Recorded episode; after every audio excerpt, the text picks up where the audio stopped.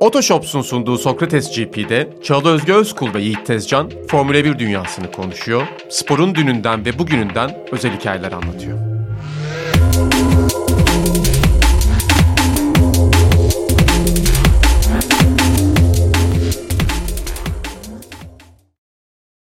Herkese merhaba, Sokrates GP'ye hoş geldiniz. Yiğit Tezcan'la karşılıklı oturduk. Dördüncü bölümümüzü sizler için kaydedeceğiz. Avustralya Grand Prix'sinin ardından. E, yine her zaman olduğu gibi Otoshops desteğiyle devam ediyoruz podcast serimize. Hemen Otoshops'tan bahsedeyim. İkinci el araç alım satımında sunduğu hizmetlerle sektörde öncü Otoshops. Siz de hizmetlerden faydalanmak için Otoshops'u ziyaret edebilirsiniz. Eğer ikinci el araç alım satımına ihtiyaç duyarsanız. Konuşmakta zorlanarak başladım Yiğit. Umarım podcast'in devamı da böyle gitmez. Yorgunsun ama bence. Biraz evet programdan çıktık. O da uzun sürdü çekimimiz. Ama çok güzeldi o programda. Biraz Formula 1'de konuşacaktık ama ona o kadar az yer ayırdık ki. E, ben de oradan bir buraya pas attım. Ne konuştunuz? Ayın spor olaylarını konuşacağız her hafta. Uzunca bir süre devam edecek bu program. Her hafta başka bir üçlü olacak Sokrates Bu ayın en büyük dair. spor olayı ne? Valla şunları konuştuk. Dünya Kupası kura çekimini konuştuk. Gruplar heyecanı. Klopp Guardiola karşılaşmasını, City Liverpool maçını konuştuk. Benzema'nın tarihe geçecek performansını biraz değerlendirdik. Real Madrid'le beraber üst üste hat-trick yaptı. Carlos Alcaraz'ın ilk Masters 1000 şampiyonluğunu konuştuk. Kortların yeni yıldızı kendisi çok da genç. E, Miami'de kazanmayı başardı. Voleybol takımlarımızın başarısını biraz konuştuk. Daha çokça olay vardı ama gerçekten bütün ay boyunca yaşanan spor gelişmelerini bir saate sığdırmak pek de mümkün değilmiş.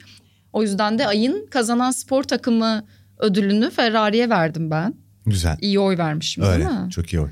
Kesinlikle yani Mart ayına şöyle bir dönüp bakınca. Ya Hatta orta sıralardaki, alınca... orta üst sıralardaki bir otomobili açık ara gridin şu an dayanıklılık ve hız birleştiğini düşünürsek en iyi otomobil haline getirdiler. Bence Aynen de öyle. Aynen öyle.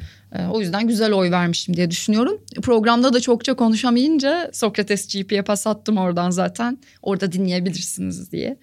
O yüzden gel beraber Avustralya'da neler yaşandı bunu konuşalım. 1121 gün sonra Avustralya'ya dönmüş Formula 1 ve 420 bin kişi vardı toplamda Albert Park'ta. Yani inanılmaz bir organizasyon böyle düşününce. Yani 420 bin kişiyi şöyle bir arada düşünmeye çalışsana. Ee, gerçekten acayip bir organizasyon. Ve Leclerc'in Grand Slam ile de yarış sona erdi. Müthiş bir performansa yine imza attı. Ee, yani daha önce de işte polden gelip kazandığı olmuştu. En hızlı turu, en hızlı tur zamanı almayı da başarmıştı ama tüm yarışı lider götürerek Grand Slam'e imza attı. Aynı zamanda Grand Slam nedir hala bilmeyen bazı izleyicilerimiz de olabilir. Onu da anlatmış olalım. Grand Slam pole pozisyonu almak, en hızlı tur atmak ve yarışı kazanmak değil mi? Ve bütün yarışı önde götürmek. Bu dörtlüyü yapman lazım. Böyle bir şey mi varmış Formula 1'de ya? 20 yıldır Formula 1 izlerim. Hiç Formula 1 bu gözle değerlendirmedim. Tenis mi bu? Diyerek hemen hemen negatif bir Beni şu an şoka uğrattın gerçekten. Yani. O zaman gel sana şöyle bir istatistik atayım oradan değerlendir. Grand Slam yapan pilotlar sezon sonunda şampiyonluğu kazanmışlar. 2011, 12, 13 Vettel. 2014-15 Hamilton, 2016 Rosberg, 2017-19 Hamilton ve 2021 Verstappen. Sezon içinde Grand Slam yapmayı başarmış bu pilotlar ve şampiyon da olmuşlar. 2022'de henüz 3. yarışta Grand Slam yapan Leclerc sezon sonunda şampiyon olacak mı Yiğit? Kadar zor bir soru. Bilsem herhalde Formula 1'de bana iş verirlerdi diye düşünüyorum. Yani şu an açık ara en iyi otomobil Ferrari'nin. Biz bu podcast'te söyledik sanıyorum. Avustralya'da Ferrari'nin avantajlı olacağını önceden söylemiş olmamız lazım diye hatırlıyorum. Çünkü net bir şekilde böyle düşünüyorum. Ben senden böyle bir şey duydum da podcast'te mi ayrıca konuşurken evet. bilmiyorum ama söylediğini hatırlıyorum. Çünkü çok basit aslında formül. Çok fazla aslında düzlük yok. Her ne kadar o virajı kaldırdılar diye konuştuk orası düz ama bu otomobil bu çekiş isteyen yavaş yön değiştirmeli virajlarda çok iyi aşırı bariz yani. Şimdi Imola'yı da soruyorlar Imola'ya giderken. Mesela hani insanların pistleri kafasında birazcık canlandırıp anlayabilmesi açısından söylüyorum. Imola da böyle bir pist. Yüksek kerblerin olduğu, yine yavaş virajların olduğu, bolca çekiş isteyen bir pist. Ferrari buralarda açık ara en güçlü otomobil.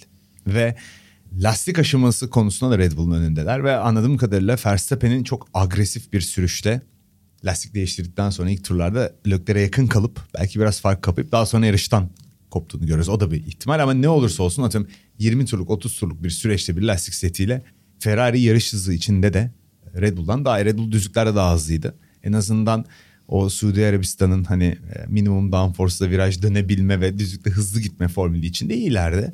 Ama buralarda Ferrari önde ve Imola'da da konuşacağız. Ferrari yeni bir şeyler getirmeyecek galiba otomobile. İspanya'yı yine bekleyecek İspanya'yı diyorlar. bekleyecekler ama Katalonya'yı. bu otomobiller gitse yine Imola'da Ferrari önde olur. Bir sebep yok olmaması için olağanüstü bir şey olmadıkça. Acayip geliyorlar gerçekten. Checo Perez demiş ki Ferrari'nin bir adım önde olduğu ilk hafta sonu buydu bence demiş. Genel olarak da yani yarışı zaten iyi götürüyordu. Pist çok uygun. Evet. Yarı cadde pisti zaten. Hani bu da hani caddenin kapatılıp piste çevrildiği bir yer. Melbourne'deki pistte, Albert Park'ta.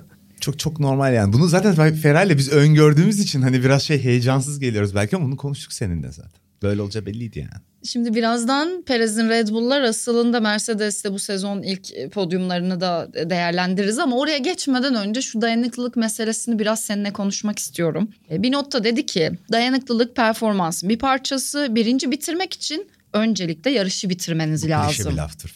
Dayanıklılık performansın en önemli parçası. Biz takım olarak bunu öncelik verdik diye. Christian Horner da diyor ki dayanıklı ama yavaş olan bir aracı hızlandırmaya çalışmaktansa sorunları olan hızlı bir aracı düzeltmeye çalışmayı tercih ederim diyor.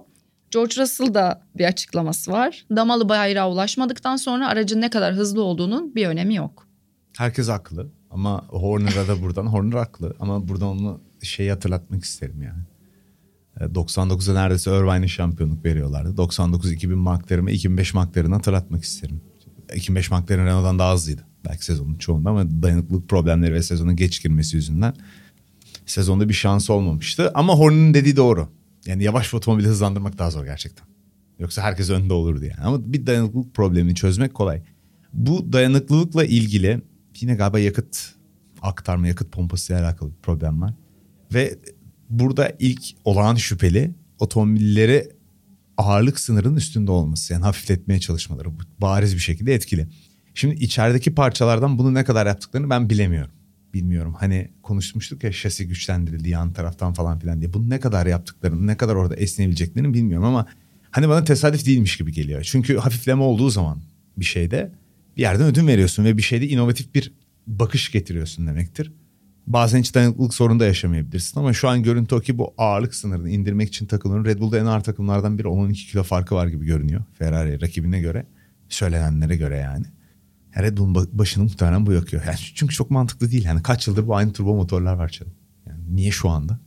Çünkü yeni bir şeyler deniyorlar muhtemelen diye düşünüyorum ben. Bu kadar üst üste böyle bir sorun yaşamaları yani ilk e, zaten Perez'le beraber gitmişlerdi. Şimdi Verstappen tek belki ama. Şimdi Honda çıktığı için Red Bull'un beceremediğine dair bir görüşler ama o kadar kolay değil. Bilmem kaç tane mühendis aldılar Mercedes'ten. Hani bu tespit yapmak o kadar kolay değil. Ben şey olduğunu düşünüyorum yine de. Hani çok agresif bir şekilde otomobil hafifletme çabasının bunda etkili olduğunu düşünüyorum. Bu ağırlık ve hafifletme çabasından bahsettiğin için sadece araya girip şunu soracağım. E, sen kendi yayınında da bahsettin YouTube kanalında. Tan yolla olan yayındaydı galiba. Şey Mercedes'in Hepsi flu sabahın köründe sıfır uykuyla yapılan. o kadar da erken değildi ya. Ya uyumadım ben ama ondan sonra. Ben de bu arada çok geç yattım ve çok o açıdan zor oldu biraz ama. Tuhaftı yani. E sonra senin yayını da hemen peş sıra izledim. Çok güzel oluyor. Şeye bayılıyorum. Yani yarış bitiyor, heyecanı paylaşmak Hı-hı. ve devam etmek istiyorsun. İnsan o arada da arayı, izlemek için bir şey arıyor. Yani maç sonu yayınları da bu yüzden güzeldir. Hı-hı. Yarış sonu yayın yapmak belki o an sizin için kolay değil sıcağı Kendi sıcağına bilgileri toplayamadan. aslında bütün hikaye o yani. Paylaşıyoruz ya. Hı-hı. O yaşadığımız tansiyonu, tansiyonu evet. beraber paylaşıyoruz. Aynen. Bir sürü insanla, binlerce kişiyle güzel bir şey.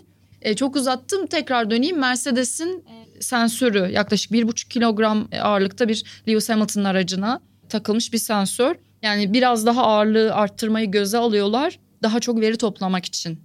Yani evet hafta sonu ilginç detaylarından birisi oydu.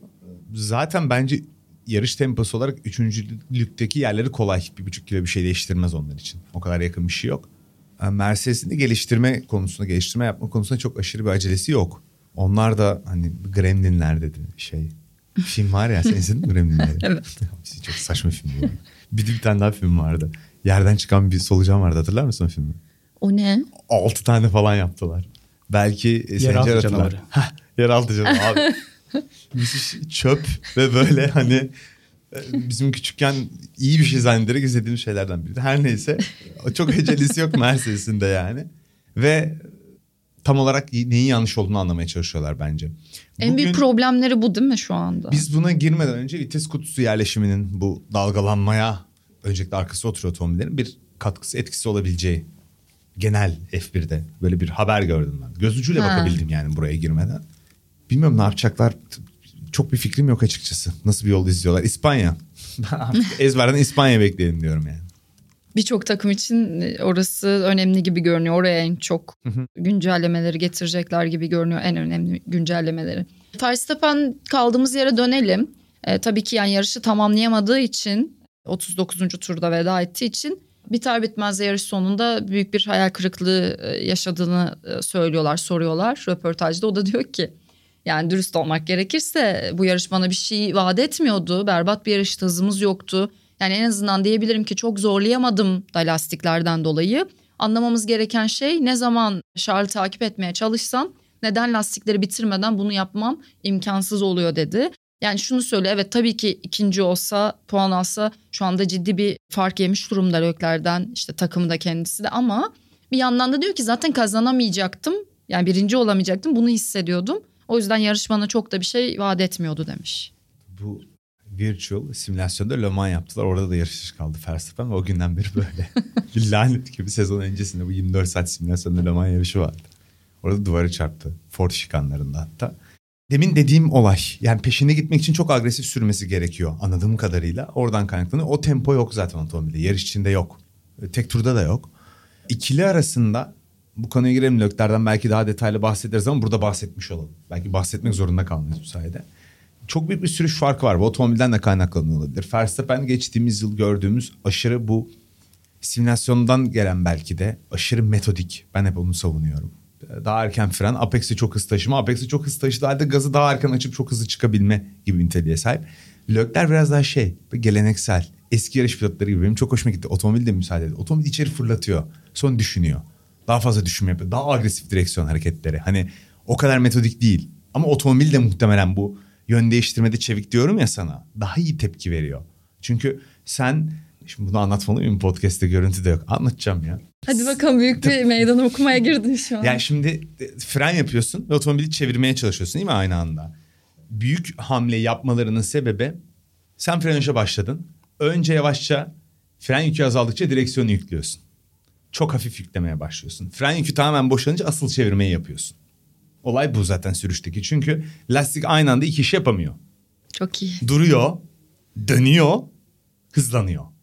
Anladınız mı? Evet, dedim? ben çok, çok çok iyi basit, çok anladım şu temel an. anlattım yani. Bütün hikaye aslında bu. Ve bunu böyle çok minimal bir şekilde manipüle etmek seni diğerinden bir saniye hızlı yapıyor. Ve bu da her şey demek bir zaten bu ya, sporda. bile geçtim. Aynen öyle. Aynen öyle. Lökler'in yaptığı bu eski bizim küçük otomobilleri kullanır gibi kullanmaya biraz daha yakın. Ben bunu gözümle gördüm ve az önce 2-3 tane haber okudum üst üste. Bunu doğrulayan şeyler okudum. Keşke elimde telemetri verileri olsa. En büyük şeyim bu benim. Keşke F1 tek bir kaynaktan düzgün şey yapsa. inanılmaz analizler yaparız. Çünkü ben sürüş analizi yapma simülasyon türü hastayım yani. Bayılıyorum. En sevdiğim şeylerden birisi. Şu anda böyle bir avantaj var. Otomobille çok mutlu yani adam. Hani otomobile bir çözüm üretmiyor. Metodik değil çok. Kendi istediği gibi sürüyor gibi. Ama son bir şey söyleyeyim. Kışın şöyle bir şey söylüyor. Bu otomobiller daha farklı. Özellikle frenajda farklı. Zaten bütün bir virajı aldığında işte frenaj Apex'e geldiğinden çıkış falan derken %90'ı fren. Yani bir adımın hızını diğerinden ayıran yer frenaj. Bu kadar yani. Ve onun üzerine düşünüyorum, çalışıyorum falan filan gibi bir şey demişti. Science'dan da bu sene biraz daha iyi gibi. Bir şeyi çözmüş gibi duruyor. Bravo tam da oraya Bir geçecektim. şey çözmüş gibi duruyor. Hazır böyle Lökler tarafında yani performansını bu kadar överken ki bence çok iyi anlattın. İşte atam da böyle şeyler anlatmanı istiyorum ki ben de biraz daha öğreneyim. Teşekkür ederim. Ee, Sencer de öğrendi bence. Ya ben Lastik ne yapıyorum şu öyle. Böyle şeyler dinleyince insan bir piste çıkmak istiyor. Go kart sözünüz var bak unutmayın. Havalarda güzelleşiyor. Go kart'a gideceğiz beraber. Sencer Ne zaman mu? derseniz. Go kart geçmişim var. Bak Formüle geçmişim yok. ya Evet gideriz. for, formüle Gideriz. geçmişim. E, formüle geçmiş olduğunu düşünsene sence. Hemen bir Carlos Sainz'dan biraz bahsedelim istersen. 17 yarış üst üste puan almayı başarmıştı. Avustralya'da yarış tamamlayamayarak sona erdi serisi. 31 yarıştır da DNF olmamıştı Carlos Sainz. Formasyon turundan bir dakika önce direksiyon değiştirmek zorunda kalmışlar. Ondan dolayı çok sıkıntı yaşadığını söylüyor. Bir de bir öz eleştiri yapmış. İkinci turda henüz lastikler yeterince hazır değilken, geçişe uygun değilken fazla zorladım ve hata yaptım demiş. Yani bu zorlama hazır değilken böyle olması ve direksiyon problemi ayrı. Yani eyvah löklerden daha çok kopuyorum. Yani bu çünkü hani seninle ilk yarışta konuşmuştuk ya buradaki podcast'te. Hani birinci pilot, ikinci pilot bunlar hani böyle biraz sezon başına şekillenmeye başlar dedin ve sonra daha zora girer her şey. Onu düşününce En hani böyle bir panikle buydu. mi piste çıkıyor artık Carlos Leclerc öne Sainz? geçerse Sainz'i Ferrari arka plana tamam onu daha görmedik. Evet. Kendisi böyle bir panik yaşıyor olabilir mi şu an? E, muhakkak. Pistte gördüğümüz bu mu acaba? En, en hızlı otomobili kullanıyor. Tabii ki kazanmak isteyecek. Şu an pistteki en hızlı otomobil yani. Hani okey şeyde biraz daha ortadaydı yarış. Kabul ediyorum. E, Suudi Arabistan'da daha ortadaydı. Ama şu anda pistteki en iyi otomobili kullanıyor. Startta yaşadığı problemle direksiyon değişti.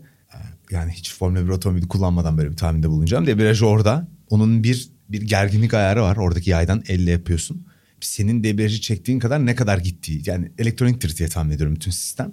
Orada sanırım bir sıkıntı yaşamış. Debriyajı düzgün kavratamıyor zaten otomobil kalıyor. Normalde anti-stall olmasa yani stop etmesine engel olan mekanizma olmasa ehliyet kursunda gibi kalacak. Yani. Yapıp duracak anladın mı? Burada böyle bir sürü şey vardır ehliyet kursunda böyle. Hoplayarak giden insanlar vardır böyle devam. O hesap yani. Ama tabii sen... o da bir çeşit purposing gibi görünüyor ama sebebi debriyaj. debriyaj ya debriyaj gerçekten evet. Sen hiç düz araba kullandın mı? Ben hep düz araba kullandım. Aynen. Ben Hiç otomatik araba kullanmadım Ben otomatik hayatımda. arabayı artık şey dedim.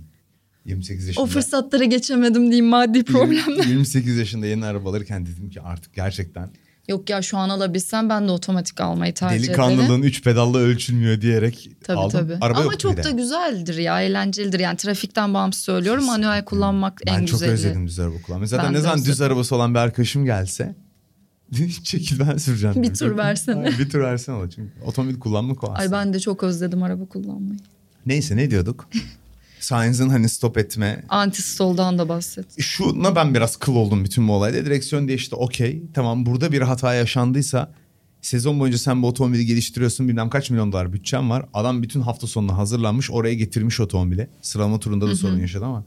Ya kalkışta direksiyon değişti diye şunun ayarını düzgün yapın diye çok basit bir çıkışta bulunacağım. Bu arada yani o ikinci turdaki şeyle ilgili öz eleştiri yaparken bir yandan da tam olarak bu söylediğini söylemiş. Yani birebir O kadar emek var yani direksiyon yani takım değiştiyse olarak aynen da daha iyi olmamız lazım. Yani çok da normal değil bu süreç demiş. Ya bu hafta son sonu anda- yazık oldu yani. Son anda çok salak bir şey oluyor. Direksiyon içindeki devre yanar elektronik kontrol eden ve bir şey yapamazsın yani. Burada o Ferrari suçudur anlamında demiyorum ama işte yedeğinde hazır olması böyle bir şey yaşanmaması lazım. O da biraz paniğinden oldu oradaki hatada. Bir iki netleşti mi sence şu an böyle hani şey programları gibi sana iddialı sorular sorayım. Lökler bir Sainz 2 midir artık? Ya şöyle geçtiğimiz yılki Leclerc Sainz mücadelesine Sainz daha istikrarlı olsa da o küçük ekstraların sıralama turlarında verebilen hep Leclerc'di. Azerbaycan'da Monaco'da gerçi duvara çarptığı için Sainz'in turu yalan oldu ama hani o antrenmanlar boyunca falan da biraz hızlıydı gibi düşünüyorum. Sonuçta performansları yakın olsa da bence Carlos Sainz'in kariyeri boyunca daha hızı 10 üzerinden 8 gibi bir adamdı. Çok istikrarlıydı. Leclerc 10 olabilen bir pilot diyeyim sana. Hani öyle öyle bir nüans Yine farkı çok var. güzel küçük. anlattın. Yani görmeden elimde veri olsa neler kıyaslarız da öyle bir pilot yani. Fark o. Yani araç sıkıntılıyken ve kendisinden beklenen biraz daha ortalama bir performansken daha iyi bir performans verebildi geçen sene sanki Carlos Sainz ama Evet, evet. şu an Lökler iyi, e, şov yapıyor, evet. araç iyi. O Bu baskıyla. Aynen. Aynen öyle. yani çok da öyle bir pilot değil çünkü ki ben o yüzden seviyorum kendisini. Smooth operator adam. Adamın Evet. bütün özelliği eskiden Nick Heidfeld vardı. 10 üzerinden 7 idi. Bence Heidfeld'in biraz daha iyisi Sainz. Sürekli 10 üzerinden 8. Ama dünya şampiyonu olmak istiyorsan 9'lara 10'lara çıkıyorsun. Evet. o. Olay o yani. Peki o zaman biraz da Mercedes diyelim. Çünkü e, Avustralya Grand Prix'sinden 27 puan aldılar ve haftanın en iyi takımı olarak aslında hafta sonunu noktalamış oldular. E, Hamilton dördüncü tamamladı yarışı ve George Russell podyuma çıkmayı da başardı. Safety car sayesinde. Evet. Bizim Tanyol yayında şey dedi biraz orada hemen kızdılar ona da. E, Hamilton biraz daha hızlıydı yarış içinde. Ama Evet, çok yakın- öyleymiş. Çok yakınlar ama. Yani o free pit e, avantajını iyi kullandı. Bu arada hiçbir veri olmadan elimizde Hamilton'la Russell sıralamada tamamen aynı olur. Hamilton yarışlarda biraz önde olur deyip gerçekten ona benzer bir şey Öyle çıkması. olması. İlk sene için en azından öyle olacağını düşünüyorum. Otomobil en iyi yarışıydı Evet. bu arada Mercedes'in. Performans açısından en iyi yarışıydı. Sıralamalar da çok uzaklar ama yarışta o kadar uzak görünmüyorlar. Çok enteresan yani. Yani cuma günü 1.2 saniye gerideymiş Mercedes. Öyle not almışım. Nereden baktım da hatırlamıyorum. Cuma almıştım çünkü. O yüzden hani kötü mü geçecek yine diye düşünürken iyi startlar ve sonrasında Bu arada yarışta şey iyi. fark ettin mi? Mercedes motoruyla ilgili şüpheler McLaren'da işte 6. ve 7. oldular. Evet. 5 ve 6, 5 6 oldu. 5-6 oldular. Olunca ilk 6 sıranın 4'ü bir an bir, bir bitti değil mi? Biz ne dedik Ne oldu programda? bütün Mercedes? No, ben biz programda ne dedik? Motor değil sadece dedik değil mi yani? Evet. Yok. Şimdi Biz demiştik mi? Biz demiştik geçtim şimdi kimse öyle bir şey dememiş gibi davranıyor bir de. Bir de şeye hemen çok ufak girip bir açıklık getireceğim. Lewis Hamilton basın sözcüsü olduğum için aynı zamanda bu yarışta şey oldu ya bu işte telsiz konuşmasında şey diyor ya hani beni çok zor durumda bıraktınız arkadaşlar diyor. Çünkü Russell da önünde işte hani o podyum görecek Hamilton göremeyecek sanki hani bu yüzden sızlanıyormuş gibi bir atmosfer oldu ama sonrasında açıkladı. Aslında şöyle şeyler olmuş motoru ısındığı için temposunu düşürmesini söylemişler buna takım mühendisi. O da işte Hamilton mühendisi şey o yüzden beni zor duruma düşürdünüz diye söylemiş. Yani Russell'la hiçbir alakası yok. Ona açıklık getirmiş. Ben de burada dediğim gibi basın sözcüsü olduğum için Lewis Hamilton e, söylemek ya insanlar istedim. Suudi Arabistan'da hemen bir heyecanlandı. Biz otomobilin dengesiyle ilgili sıkıntılar yaşadığını ve olağanüstü kötü bir hafta sonu geçirdiğini yine hep şey gibi oldu program. Biz söylemiştik gibi oluyor. Hep söylediğim şeyler çıkıyor gibi oluyor. Söylemiştik yani. Adam hala iyi. Evet yani Ya, sadece o hani telsiz konuşmasından dolayı onu söyledim ya. Çünkü ben de yarıştayken o konuşmayı duyduğumda hani Russell podyuma çıkıyor o geride kaldığı için sızlanıyor diye düşünmüştüm. E, halbuki zaten motor ısındığı için ona birazcık e, hani yavaşla demişler. O tabii o konuşmayı duymadık mesela biz. Russell sıralamalarda da yarışta da şu anki haliyle Bottas'tan biraz daha iyi. Zaten o 2019'da yok 2020'de çıktığı bir yarış vardı ya Bahreyn'de. Hani arıza yaşamıştı Çeko Evet, ilk evet. yarışını kazanmıştı. Oradan beri belli yani. Zaten. Çimlerde oturduğu şey diyorsun Evet değil evet mi? yakın bir rakip olacağı belli Hamilton'a. Evet evet daha güzel. Ama bu aslında benim gözümde şöyle. Verstappen Leclerc diyoruz değil mi? Arkasında Norris ile Russell yazıyoruz değil mi? Yani şu an genç yetenek olarak. Adam hala hızlı abi gelen gençten. Kaç yaşında Hamilton? 30, 36, 37 falan galiba. 36 Aa, galiba. Çok acayip bir şey yani. En basit soruda bir anda takılmak. Bir dakika bakacağım çok net söylememiz lazım bunu. 37. 37 mi? 7 Ocak 85 ama Okey, yani. adam 37 yaşında ve 2007'de Formula 1'e geldi. Çaylak Ocak ne yılında. oluyor ne burcu yani? Lewis Hamilton'ın burcu. Olak nasıl bir burç? Aha kova sandım ben. Ocak deyince direkt kova şey yapıyorum. 7 Ocak. Oğlak olan birini daha biliyorum ben. Muhammed Ali. Bak Çok şimdi. enteresan. da- Burçlar gerçek. Burada, Hayda. burada ulaştığımız sonuç o. Yani Aa. iki tane çok büyük siyah şeyini etkileyen figür yani. Çok enteresan. Muhteşem. Burçlar gerçek. Ben buradan abi şey gidiyorum. Yıldız haritası baktırmaya gidiyorum. Bu yeni inancımla. Neden şampiyon olamadım? Neden şampiyon olamadım. Sen de burcusun Sencer. Yengeç. Sen de burcusun. Terazi. Terazi. Sen? İkizler. Hiç şaşırmadım. Kim şaşırmadı? Ben senin ikizler olduğunu duymaya şu an Hmm. çok okeyim ya hiç şaşırmadım. Çok normal bir burç bence. Neyse, Bütün tamam, burçlar burç muhabbeti- normaldir. Tamam burç muhabbeti bile yaptık. Harika bilgiler Kendisi- verdik. Ha, harika bir e, şeydi. Lütfen buraya Sen makaslanmayalım. şeyden bahset. Makaslıyor muyuz burayı? Yok, harika oluyor Hayır. burası. Hayır tabii ki. Bu arada Sokrates GP'de hiçbir şeyde makaslamıyoruz onu da söylemek istedim. Hiç editlenmiyor bile. Hiç Öyle editlenmiyor olduğu bile. gibi çıkıyor yani. Şeyi söylüyordun 37 yaşında Lewis Hamilton. Ben burç murç dedim daha. 2007 Fernando Alonso'ya karşı geliyor. Çaylak yılında çok kafa kafaya mücadele veriyor. Şimdi o çok tartışmalı bir konu. Kimin kime ne yaptığı falan filan. Ama Mercedes'in yetiştiği McLaren'ın geleceği bir şey. Onun üzerine ilerliyorlar. Sonra şampiyon oluyor herif. İlk sene, bir senenin ardından. Sonra hibrit çağa başlıyor. Otomobilleri kullanıyor. Bu çağ başlıyor. 14 yıldır gridin en hızlı 3 pilot arasında her sezon. Hani tartışmalı belki bir. Her yıl böyle adam. İnanılmaz bir şey bence. Fetel'den bahsederiz. E, Fetel yok mesela artık. Evet. Hani gibi düşünürsen. Ya bana işte en garip gelen şey zaten bunu bu kadar uzun zaman aynı seviyede yapabiliyor olmak. Ben biliyorsun bir kez dünya şampiyonu olsam bir daha beni göremezsiniz pistlerde. Monaco'da izlemeye gelirim yani. Ya, evet. E, Rosberg de gitti bırakıp gitti. Öyle düşünürsen. Evet evet zor aldı hemen bıraktı sonra. Ben geç, geç şöyle bir şey yaptım aslında. Hamilton'ın genel tavrına çok eleştirel bakan birisi olarak söyleyeyim. Bir an bir oturup düşündüm ya. ya bu hastalık abi yedi kere dünya şampiyonu olmuşsun. Sürekli zirvede kalmaya çalışıyorsun. Karakterin tabii ki biraz tuhaf olacak yani. Hani e, böyle narsizm etrafında evrilen yarı tanrı gibi hareket etmesini çok normal bulmaya başladım. Bir anda dün vahiy gibi geldi bu. Haklı. Yani, yani o ben baskı altında yaşadığımı yaklaşık bir düşünemiyorum. ben. senedir bunu söylüyorum. Kusursuz olmak zorundasın. İnanmadın bana. Kendim Yani- buldum. Kendim buldum. Evet. Kendim öyle. ikna oldum. Harbiden haklı adam. Ya ayrı bir sanki kazanmayınca ve bu otomobilde verdiğim mücadeleyi falan görünce ayrı bir saygı duymaya başladım o zaman.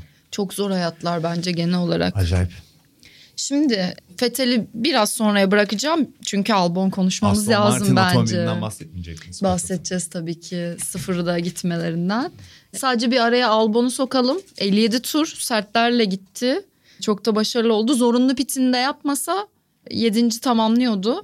E, Zorunlu pite girdi ve yine de puan alarak Güz- tamamladı. Güzel bir stratejiydi. Olabilecek en sert hamurla yarıştı Williams. Kaybedecek hiçbir şey yoktu. Zaten öyle dediler ve Albon o lastikleri çok iyi götürdü. Yarışın sonunda Albon en hızlı turlarını atıyordu kendi. Ben söyleyeyim Çok en hızlı acayip tur yani. zamanını 54. turda atmış. 1.22 589'da.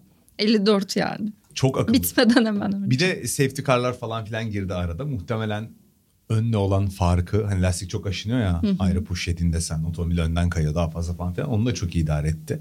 Olağanüstü bir yarış ama Albon Verstappen'in yanına gelmeden önce zaten çok yetenekliydi. O yüzden Gasly'nin yerini alıp oraya geldi. Verstappen'in yanına gelen sıkıntı Ya, yaşıyor haliyle. İşte o yüzden Çeko iyi. Evet. Boşuna hayal kuruyorlar Gasly, Albon falan. Çeko'dan daha hızlı gitmeyecek o adamlar bence şu anda. Bence de. Öyle bir durum var. Verstappen'in takım arkadaşı olmak zor yani. Ya olağanüstü bir yarış Williams açısından. Albon açısından müthiş bir yarış ve bir kere daha bize gridin aslında ne kadar yetenekli bir sürü adamla dolu olduğunu gösteriyor. Kesin. Sadece o da diyor ki işte neden sadece sertlerle bu kadar iyi olabildiğimizi biraz sorgulamamız lazım. Yoksa 10 set sert lastiklerle her yarışa gitmemiz gerekecek diye. Burada tuttu ama Tabii çözüm sürdürülebilir mi? Aynen. Tek stop her yerde. Şimdi Sainz'ı da konuştuk. Hemen geçelim. Üçüncü bölümümüzün ana gündem maddesi olan Vettel'in kariyeri. Dördüncü bölümümüzde de önemli bir başlık olacak gibi görünüyor. Kabus. Sen üçüncü bölümde demiştin ki Vettel'in kariyerinde red flagler var. Herhalde bu hafta sonunda biraz öyle oldu. Yani hem bassızlık hem sıkıntılı. Zaten antrenman seanslarının ilkinde güç ünitesi problemi yaşadı. Sonra aracı yetiştiremediler. Sonra bir Alonso'nun durumu oldu da neyse ki hani piste çıkabildi sıralamalarda. Ama yarışta da devam etti kabus kazayla beraber. Peki gülünç durum şu. Çok kötü bir otomobili var Aston Martin'in. Otomobili anlamak için pistte kalması lazım. Veri toplaması lazım. Ama sürekli kaza yaptıkları için veri toplayamıyorlar. Otomobil gidiyor seansın tümünü kaçırıyor. Tekrar toplanıyor tekrar dönüyor. Bence yine de Aston Martin garajı için inanılmaz bir performans. Bu aracı sürekli yetiştirebiliyorlar Ama şey çok kötü yani. veri alamadılar. Alamadılar sonu kaza tabii. yapıyor pilotları. Tabii. Vettel bütün otomobillerine isim verir diyorsun. ben onun adına bir isim verdim. Tweet attığın şey mi? Daisy. Nereden verdin bu ismi peki? Söyle açıklar mısın Tabii ki, izleyicilere? tabii ki Great Gatsby'deki Daisy'ye referans verdim. Evinde devasa tablosu olduğu için tahmin etmiştim. Daisy benim için beklenmedik insan hareketlerinin temelini oluşturduğu için hani her türlü şey. Otomobilde şimdi burada da çok bambaşka bir yargı olacak. Oraya kadar İkizler Burcu mu acaba? Daisy. Daisy olabilir. Ya bir şey söyleyeceğim. Bu burçlar gerçek mi ya? Çok Yok ya şu an espri yapıyoruz. İkizler dinleyicilerimiz varsa da alınmasınlar. Ben de teraziyim bana neler söyleniyor.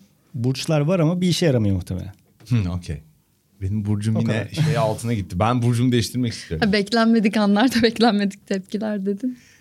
Ha peki. Ee, şey ben Daisy dedim. Otomobil. Fethel'in FP3'teki spini hatırlıyorsun numara çarptı. Yön değiştiriyor ve olağanüstü hiçbir hareketi yok. Hani çok hızlı yön değiştirmiyor. Otomobil o noktaya kadar viraja stabil gelmiş. Çünkü sen lastiği bir an yüklediğinde, ısı arttığında bir daha yön değiştirmek istediğinde grip gelip gidiyor ya devamlı. Böyle bir yön değiştirme negatif bir tepki verebilir. Adam onu hiç beklemiyor çok belli. Biz geçtiğimiz yayın konuşmuştuk. Otomobili olabildiğince erken döndürüp virajı olabildiğince hızlı çıkmaya çalışıyor. İşte Adrian Newey de diyor. Kendi de anlatıyor Martin Brundle'a dedim ya sana. Yani bu otomobil kötü huylu ya. Kötü ruh yani. Kötü ruh girmiş içine. Kötü bir otomobil. En sonunda yaptığı hatayı düşün. Nakashima aynısını yapmış. Böyle çok enteresan. E, o video inanılmaz ya. Sen paylaştın da gördüm. Evet, evet. Aynı kaza Aynı birebir. kaza, birebir. Her şey aynı yani. Ve farklı motorlar falan filan. Teknoloji farklı. Çok falan. acayip. Çok ilginç. Kötüylü bir otomobil bu. Bir tane de sen attın bana. Sağa sola çekiyor. Ya onun O başka bir şeyi. O, o başka bir problemdir canım otomobil sürekli öyle olması. Yani pilot da onu deniyor falan çok acayip gerçekten. Ama yarış içinde sıkıntı yaşamıştır muhtemelen. Tabii, Ya evet. bir şey var sağ sol niye çekiyordu gibi bir şey hissetmiştir o.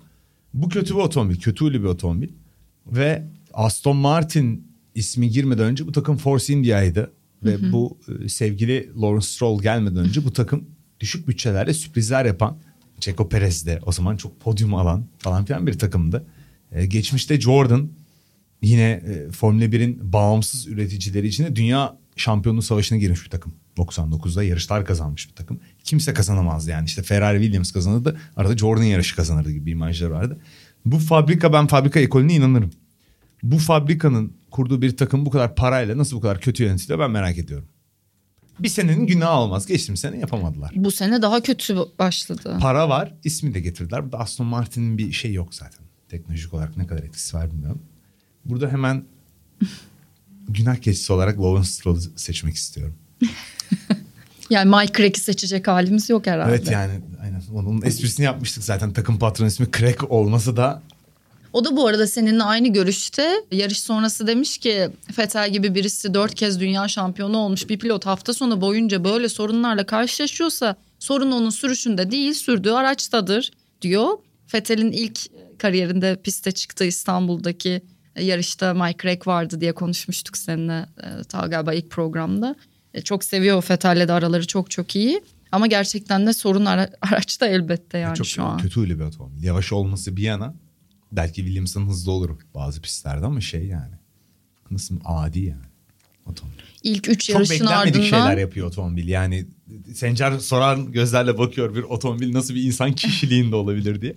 Bu şeyle alakalı bir şey değil yani. Hani bizim otomobillere anlam atfetmemizle mekanik metal bir parça yani sonuçta metal yığını yani işte. Sen Daisy ile ilgili Daisy ne biçim işte- konuşuyorsun öyle? Otomobillere kadın Ruhu var verilmesi her zaman falan. Yani değil kadın değil yani metal bir yığın yani sonuçta alakası yok ama nedense karakteristik olarak devamlı böyle bir şey verilir otomobillere. Hep böyledir yani. Ve bu kötü bir otomobil özetle. İlk üç yarış sonunda puan alamayan tek takım oldu Aston Martin. Sürprizler yapanlar da var, iyi başlayanlar var falan filan ama onlar hiç yapamadılar. Alonso yani çok iyi şeyler olabilirdi. Çok iyi şeyler olabilirdi. Kendisi de çok üzgün. Çünkü Mercedes'ten daha hızlı olduklarını hafta sonu boyunca e, söylemiş. O podyumda biz olabilirdik diyor. Ama olamadı. Ben yarış temposunu çok beğenmedim ama trafikte kalmasının, lastik aşınmasının etkisi vardı. Daha sonra mediumlarla çok çabuk düştü oyundan. Ama sıralama turu çok iyiydi. O tur o an anlık en iyi orta sektör Evet. ondaydı. Ve son sektöre bağlı olarak pol alma ihtimali vardı. Vardı yani. evet. Ve inanılmaz tuhaf bir şey yani. Alpine'in pol almasını sezonun şu noktada geldiği noktada iki takımdan pol bekliyoruz biz. Yağmur falan yağmadıkça yani Red Bull ve Ferrari'den. Çok acayipti cidden. Ama yarış temposu yoktu. Alpine de sürekli motor değiştiriyor bu arada. 100 motor falan değiştirecekler diye düşünüyorum sene sonuna kadar. 3 oldu. Artık bundan sonra cezai kalıyor galiba. Tabii. Değil mi? Onları da takip edemiyorum ben artık. O kadar çok motor değiştirdiler ki. Alpine'le ilgili bakayım bir tane bir güncelleme notu almıştım. Bir saniye. Heh. Imola'ya önemli güncellemeler getirecekler gibi dümdüz bir not almış. Beklettim boşuna kusura bakmayın. Ev sahibini sona bıraktım. Ricardo. Ricardo iyi bir yarış yaptı. Norris'e de bayağı yakındı. 5 ve 6 bitirdi McLaren'lar. Onlar da arka tarafında ufak tefek değişikliklerle geldiler otomobilin. Ve iyi sonuç aldılar. Onlar belli ki test yapamadılar ya dayanıklılık problemleri, fren ısınması falan yüzünden. Belli ki o sorun biraz aşılmış. Zaten aslında en önemli şeylerden biri sezon başında şu. Bir dedi ya Toto Wolff demiş olabilir. Otomobili anlamak önce önemli. Ne getireceğim, ne update getireceğimi anlamak için. Hani otomobil sen doğru ayarlamadıktan sonra yeni olduğu için otomobiller bu çok geçerli olabilir. Tam olarak açının ne olduğunu anlayamıyorsun gibi bir durum var. Ve McLaren bence hani getirdiği update'lerden ziyade otomobili frekansını doğru aralıkta çalıştırmayı başardığı için şu an bu pozisyonda görünüyor. Tek turda zaten Mercedes'ten biraz daha hızlılar bile diyebiliriz. Yakınlar yani. Ama yarış temposuna daha geridiler tabii. Çifte puan aldılar. Neyse ki o karanlık biraz e, kendilerine uygun gördükleri bu pistte iyi gitmiş gibi görünüyor. 5 ve 6 oldular beraber. Şimdi sana e, şöyle bir konuyla ilgili fikrini soracağım. E, Aston Martin güvenlik aracı sorunsalı diye başlık attım. Verstappen dedi ki yani Aston Martin güvenlik aracı çok yavaş kaplumbağa gibi. Haliyle öyle olunca lastik asılarını korumakta da sıkıntı yaşıyor pilotlar. Lökler de dedi ben de telsizden sızlanacaktım aslında ne oluyor diye. Çok yavaş diye ama sonra da Aston Martin aracının ne kadar zorlandığını gördüm. Hızlanmakta zaten elinden gelen her şeyi yapıyordu. O yüzden de telsizden bir şey demeyeyim daha fazla baskı yapmak istemedim demiş. Russell da Mercedes'in güvenlik aracıyla böyle bir sorun yaşamıyoruz diye de söylemiş. Ee, iki farklı araç var. Bir tane Mercedes bir tane Aston Martin. Yarışlarda değişiyorlar. Neler düşünüyorsun bununla ilgili? Ne kadar önemli? Maksimum performans veren bir spor otomobil alsın hangi markayı tercih ederdin gözün kapalı? En efektif tasarımları yıllardır yapan kim? Porsche. Ben de Bir. onu diyeceğim de hani bu ikisinden seçmemi Evet, bekliyorsun gibi düşünüyorum. Yok. Hani, ya Mercedes'in ayrı bir şey var. Mercedes'in ünü de bence ama o 90'larda yaptıkları bugünkü enflasyonu uyarladığımızda hala devasa kaçan inanılmaz arge bütçelerinden kaynaklanıyor. Kafayı yemişler yani. Hani hiç gereksiz over engineering lafı Almanlarla ilgili oradan çıkıyor zaten. Aston Martin daha ziyade bir zevk işi yani. Bond'un otomobili. İşte el yapımı, iç mekan falan filan gibi özellikleri var. Aslında GT serilerinde başarıları da var. Ama bu otomobili bir de şeklen galiba Verstappen aynı zamanda kaplumbağaya da benzetiyor. Bir de kaplumbağaya benziyor biraz. Hani Allah Yani- aşkına güzelim Aston Martin. Ya Aa, işte kaplumbağalar da güzeldir ama. performansına tabii canım. Hangi kaplumbağalar ama? Beetle'ların diyorsun ben eskileri beğeniyorum. Ha ben bayağı Sen iyice kaplumbağa kaplumbağaları mı hayvanını düşünüyorsun? düşündüm. Hayır karetta karetta düşündüm ben ya. Hatta karate hayvan diyorsun kaplumbağa. Evet. Ee, güz- yani manidar bir espri tabii. Aslanım düşük performanstan sonra çok manalı olmuş bir espri. Ve şey daha fazla Aston Martin üstüne gitmek istemiyorum. Gideyim mi? Bu zaten çok E, komik aracın. Hepimizi burada stüdyonun içine gelip sıkacak yani kafamıza. İnşallah Aston Martin aracıyla gelmem. Benim sanayide zor olur çünkü. Benden bu kadar. Benim Sencer'e bir sorum var. Geçen e, Sencer beni takip etti Twitter'da. Ve inanılmaz ortak bir yönümüz olduğunu keşfettim. Aa, Black Sabbath gibi bir ortak bir yönümüz var. Allah Black Sabbath Allah. hastasıymış evet. Çok severim. Çok yükseldim şu an Sencer onu söylemek istedim. En sevdiğiniz Black Sabbath şarkısı. Birer tane attın bakalım. O kadar seviyoruz ki ayıramayız. Evet. Ya, Kendi- Ama biz Ronnie James öncesi Black Sabbath'çıyız. Ozzy'li. Bu Black dünyada Sabbath'çı. sadece kendinize ve Black Sabbath'ın ilk 6 albümüne Aynen, güvenebilirsiniz. aynen öyle. Kayıtsız şartsız. Yani Ronnie James'e de bir düşmanlığımız yok ama sadece Black Sabbath dediğimiz zaman bu albümler geliyor aklımıza. Yarış Bu olmayan kadar. bir haftada GP Black Sabbath özel yaparız belki. Evet belki de. Ben nasıl peki? Yani nasıl motor sporlarıyla şey yapacağız? Bakacağız. Buluruz. Buluruz. Ruh muh bir yerden bağlarız ya. Ben benim sevdiğim şarkısını hatırlamaya çalışıyorum da. Planet Caravan. Bayılırım. En Güzel sevdiğim şarkı. şarkısı. Aynen. Güzel seçim. Bu güzel seçimle bence Çok zirvede iyi. bırakmış oluyoruz değil mi? Gerçekten güzel seçim. O zaman şöyle de yapalım. Eğer soru varsa yine bize yazabilirler. Belki biz de yine tweet atarız. Arada yani siz genel olarak da bizim GP tweetinin altına yazabilirsiniz. Yiğit'in özellikle anlatmasını isteyeceğiniz bazı şeyler varsa. e, teknik yorumlar vesaire. E, bunları da yazabilirsiniz. Belki programlarda ara ara yer veririz. Zaten yarışı olmayan haftalarda mutlaka sizden soru alacağız yine. Evet. Belki haftaya bir de James Hunt konuşuruz. Allah Allah. Aynen. Üstüne zaten şu an Aa evet. James Hunt söylüyor. Tapıyor ya en sevdiği insan. Neden seviyorum? Öyle söyleyeyim. Hype'ını yapıp bırakayım mı? Ya bütün insanlar şeyden falan zannediyor. Hiç alakası bile yok. Çapkınlığıyla alakası bile yok. Adam özgür. Gördüğüm en özgür insanlardan biri. İmrenme sebebim o. Lauda'nın imrenme sebebi de o. Umrunda değil dünya yani. Çok yanlış anlıyor insanlar bunu. O yüzden seviyorum. Bir de 300 tane muhabbet kuşu var bir noktada. Öyle bir insandan zarar gelmez tahmin edebiliyoruz ki. Kendinden Diyerek. başkasını. Evet, kendine zarar veriyor. Aynen. O zaman söz vermeyeyim haftaya James Hunt e, yetiştirmeye çalışırım ben de içerikleri. Ama mutlaka bu yakınlarda Aa, ben yaparız. Hunt bir şekilde zaten. Yok senin James Hunt anlatacağın yerde ben de bir hazırlanmak isterim. Çünkü ben de kendisini bayağı seviyorum. Harika o zaman. O yüzden söz vermeyelim haftaya ama yapabiliriz. Şimdilik veda edelim. Otoshops'la beraber Sokrates GP'nin bu bölümde bizi dinlediğiniz için teşekkür ediyor. Yeni bölümde görüşmek dileğiyle diyoruz. Hoşçakalın. Hoşçakalın. Otoshops Sokrates GP'yi sundu.